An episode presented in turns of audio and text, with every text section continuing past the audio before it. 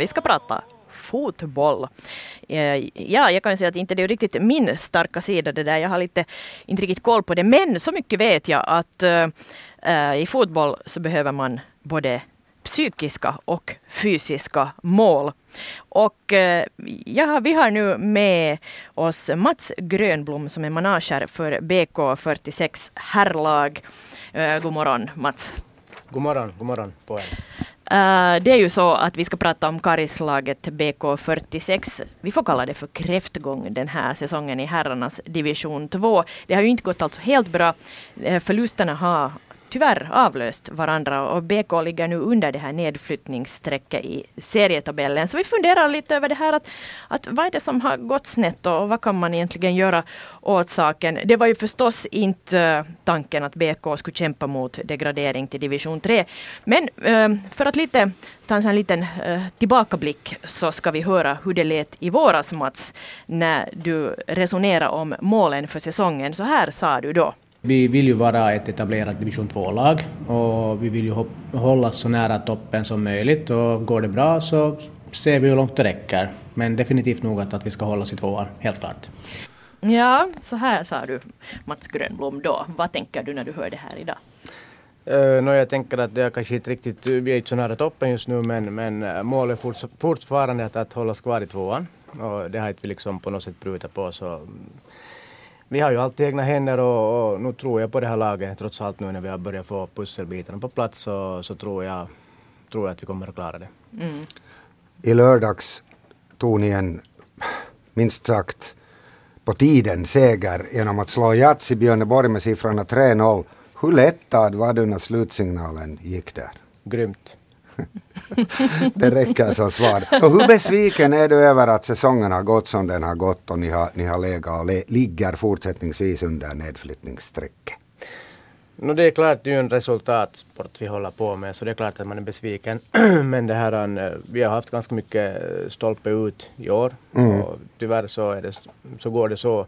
Är det stolpe in och man får flow så då kan det ju bära hur långt som helst. Och alla vet att, att börjar det gå lite mm, så här som det har gått, om det kommer mål i slutminuterna heller som hemma mot Capo i 95 minuten så det, och man förlorar 2-1 så så vad heter det, så det är klart att det är tungt för hela laget. Mm.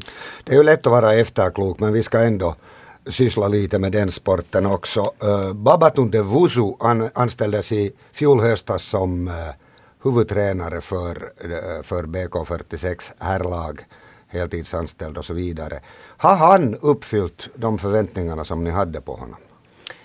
Alltså vi är ju nog nöjda med Vosu för att eh, vi, har, vi, vi anställer honom av, av, av, olika orsaker och en var ju det att vi vill ju liksom på något sätt få någon form av kontinuitet i det vad vi håller på med. Mm. Och det är det att vi måste få mera Eh, dels lokala spelare och vi måste få mera yngre. Vi måste hitta ett, ett sätt att slussa in dem från juniorerna upp till herrlaget och det kanske vi har lite på något sätt saknat den, den biten. Och det är klart att simma på det nu så, så, så jo, vi, vi tycker nog att vi är på rätt väg och, och han gör massor med, med, med, bra jobb också, liksom, sånt som man kanske inte direkt ser om man, om man bara stirrar blint på, på serietabell eller på, på hur representationslaget klarar sig. Övervägde ni, handen på hjärtat nu Mats Grönblom, i något skede att befria Vusu från sina uppgifter? Eh, vi har inte övervägt den saken. Vi har nog förtroende för Vusu. Mm, det låter bra. Har ni övervägt att skaffa stöd åt honom? Ibland kan det vara bra för en tränare att få någon, någon hjälp kunde som står där eller, eller kvinna som, som lite emellanåt pushar till och säger att hej, att, hur tänker du nu? Eller så här. Eh, det är någonting som vi funderar på hela tiden och det är någonting som vi, som vi har faktiskt lite har på gångs med och vad heter det, för vi vet att det är nu, man behöver flera ögon som ser en match till exempel och också det att man kan förändra matchbilden att ibland kan ju en tränare, han behöver helt enkelt stöd så jo, mm. det har vi mm. faktiskt tänkt på och det tänker vi på det är som ute i trafiken när man kommer till en korsning så kan man be kaveri bredvid ännu för säkerhets skull titta att ingen kommer från höger. Två mm. par ögon så är bättre än ett par, det är helt klart. Precis, och jag, jag är ju alltid lite intresserad av det här att, att just när det till exempel går dåligt så hur mycket påverkar liksom hela stämningen det att det är svårt att igen börja ta sig upp, att den här liksom psykiska biten av det hela. Eh, det är nog, det är nog ganska, det är ganska, eh, det är en ganska viktig del. Och, och det är ju så att, att som jag sa, att, att, när det är stolpe in så då går det ju bra och då, det, mm, då kan matcher som annars man kanske spelar sämre eller man ligger under så kanske man ändå kan vända det till en seger trots allt. Och samma sak fast vi har haft eh, matcher som vi har tyckt att vi har haft liksom på G men så är det ändå någonting som kanske det krampar lite eller kanske man bara liksom, det, det bara liksom fungerar. Och, mm. Så det, det är nog ganska, och nu har man ju märkt på killarna att träningarna har sett liksom helt bra ut och liksom det har varit så liksom bra stämning men på något sätt sen när man kommer ut på plan och det är liksom allvar så det är som det skulle lite, lite någonstans, man har det i bakhuvudet att, att okej okay, så här gick det förra gången och, mm. vad händer om det kommer ett mål. Och, ja, ja. Det nog, mm. så, så det skulle behövas någon seger här för att det liksom mm. skulle igen börja Det kommer en seger. Det kom, det kom en idag och, uh, under veckoslutet och uh, flera kanske på kommande hoppas vi. Vi tror nog det. Ja. Spelarrekryteringen, några ord om det. Den kanske inte lyckades alldeles till 100 procent inför säsongen. Ett par spelade, nämligen brassen Italo Farah Asadi, fick lämna laget under, under pågående säsong. Var misslyckades ni där eller, eller misslyckades ni? no, inte kan man säga att man lyckas som spelare om vi tycker att spelare inte på det sättet, hur ska jag säga, att, att de lämnar laget av, av olika orsaker så inte kan vi säga att vi har lyckats. Mm, vad heter det? är ju en, en rekryteringsprocess och, och, inom, vi har kanske kommit igång, eller oftast kommer vi igång den här, den här tiden på året men, men det blir ju lite för tajt tid och sen att bygga ihop ett lag på en månad eller tre, fyra veckor. Så nu är det ganska kort tid. Mm. Men sen har vi ju ekonomiska realiteter och vi har andra realiteter att tänka på, resursfrågor och sånt, att, att hur vi får ihop ett lag så det är inte lättaste. Mm. Och vem som finns att tillgå. Och det såg bra ut, som jag sa kanske i samband med den förra intervjun som ni spelade upp, så då mm. tyckte det såg helt bra mm. ut. Men så här, så här gick det, så har det mm. gått. Mm. Ibland är det så där. Äh, ännu bara en fråga innan vi lite ska lätta upp på stämningen så är denna. Äh, Mergin Bushi, han är en verklig trotjänare i BK46 och han inledde säsongen som lagkapten. Han är inte lagkapten längre. Själv sa han i en intervju att det berodde på att han hade varit lite för frispråkig mot lagledningen. Eller vad var orsaken att han inte längre är kapten? Vad säger du Mats Grönblom? Nu har jag inte varit inblandad i de här frågorna faktiskt. Det, det är mera tränarstaben som, som väljer, väljer kapten så jag kan inte riktigt svara på den frågan faktiskt, mm. varför det har skett ändringar där. Så, så. Mm. Bra, vi lämnar det och lättar upp stämningen lite med veckans sportfråga. Det är ju så att varje vecka ska morgonvärlden svara på en väldigt, väldigt enkel sportfråga. Så också idag. Och idag har vi då alltså Mats Grönblom, manager för BK46 fotbollslag i herrarnas division 2 som gäst. Så frågan handlar överraskningsvis om fotboll. Den lyder så här. VM i fotboll ordnades den här sommaren i vårt grannland Ryssland som de flesta vet. Vem blev turneringens målkung? Och för att lite underlätta Toves arbete här att fundera ut det så har jag oh, no. valt ut fyra alternativ. Lyssna noga nu. A. Cristiano Ronaldo från Portugal. B. Romelu Lukaku, Belgien. C. Hurricane, England. Eller D. Neymar, Brasilien. Jag hoppas du har åtminstone hört talas om de här gubbarna. Eh, no, det har jag.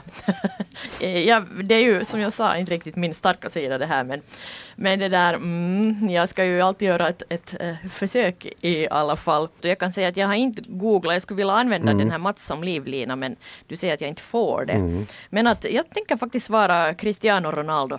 Det är ett ganska bra svar faktiskt, men vad säger du Mats Grönblom om det här svaret? Att det var fel. Mm, och vad är det rätta svaret? Harry Kane. Harry Kane gjorde sex mål och var målkung. Cristiano Ronaldo gjorde faktiskt no, fyra mål, liksom Romelu Lukaku. Neymar lyckades göra bara två mål. Nu fortsätter vi med programmet.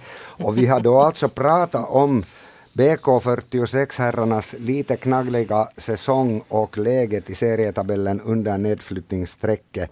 Är loppet kört nu, Mats Grönblom? Nej, inte är det det. Vi har ju alltid egna händer. Vi ligger, fem lag som ligger inom två poäng så, och vi kommer att möta de alla fyra övriga lagen här ännu i de sista avslutande omgångarna så det gäller ju bara att ta de rätta vinsterna och så nu är vi kvar. Mm. Och fem av de här lagen alltså trillar då alltså till division 3. Eh, jag har ibland sådana små fåglar som sitter på min axel och viskar saker i, i mina öron och bland annat att, att ni har, alltså det har kommit en ny spelare här, eller egentligen två. Bubakar Kinda kom från EIF tidigare och nyligen kom Daniel Jackson från Tasmanien uh, och, och gjorde också ett mål senast. Men jag har hört att det är lite annat på gång också för att förstärka laget för de här sista sju matcherna. Hålla det streck. No, det är klart att nu funderar vi alltid och dyker upp något passligt så är vi ju vad heter det, lyhörda för det men, men det är ingenting som i dagsläge är klart. Mm.